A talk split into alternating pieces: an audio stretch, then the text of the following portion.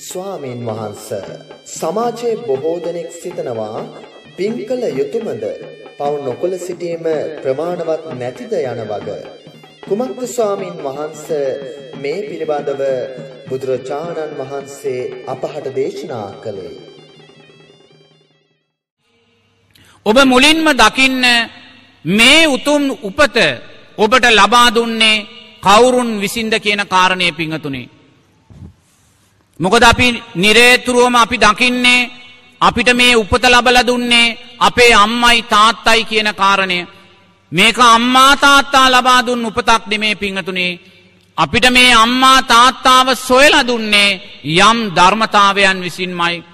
ඒ ධර්මතාවය තමයි පළවෙනි කාරණය තෙරුවන් කෙරේ වූ සද්ධාව දෙවැනි කාරණය සීලය තුන්වැනි කාරණය දානය කියන කාරණ තුනයි ඔබට මේ ජීවිතයේ අම්මා තාත්තාව සොයල දුන්නේ. ඔබ හිතන්න ඔබ අනිවාර්යෙන්ම ගිය ජීවිතේ පිංහතුනේ එක්කො මනුස්සෙක් එක්කො දෙවියෙක්මයි. මොකද සතරාපායක ඉඳල මේ වගේ මතු වෙලා එන්න පුළුවන්කමක් නෑ එම මතුනානන්ගේ හරිම දුර්ලභ දෙයක් එනම් තමා තුළින් තමා දකින්න තමා ගිය ජීවිතේ එක්කො මනුස්සෙක් එක්කො දෙවියෙක් පිංහතුනේ. ඒ මනුස්්‍යයා දෙවයා තෙරුවන් කෙරෙයි සද්ධාව තුළ හිටපු කෙනෙක්මයි. ඔබ ගිය ජීවිතේ තෙරුවන් කෙරෙයි සද්ධාව තුළ හිටිය නිසයි මේ ජීවිතේ ඔබට තෙරුවන් කෙරෙයි සද්ධාවතියන මවකුසක් ලැබුණේ. ඒක හේතු පල ධර්මයක් පිංහතුනි. ඔබ යම්හයකින් මේ ජීවිතේ තෙරුවන් කෙරෙයි සද්ධාවෙන් බැහැරවුණොත් ධර්මය දෘෂ්ටිගතව ජීවිතයට ගත්තොත් ධර්මය අකීකරුභාවයෙන් ජීවිතයට ගත්තොත් ඊළඟ ජීවිතයේදී. ඔබට ලැබෙන්නේ මිත්‍යා දෘෂ්ටික මවකුසක් පිංහතුනි. සම්මා දිට්ටියට පත්වෙච්ච මවකුසක් ලැබෙන්නේ නෑ ඒක හේතු පල ධර්මයක්. මොකද අපේ කාලේ ජීවත් වෙච්ච මහත්තෙක් හිටියා. ඒ මහත්තයා රජයේ රැකියාවක් කරපු මහත්තෙක්.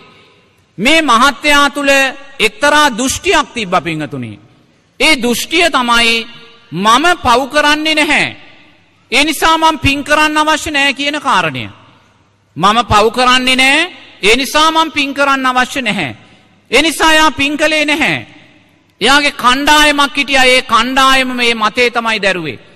පව් කරන්නේ නෑ ඒ නිසා පින් කරන්න අවශ්‍ය නෑ කියලා. බුදුරජාණන් වහන්සේ මෙහෙම ධර්මයක් අපිට දේශනා කළ නෑ පිංහතුනේ.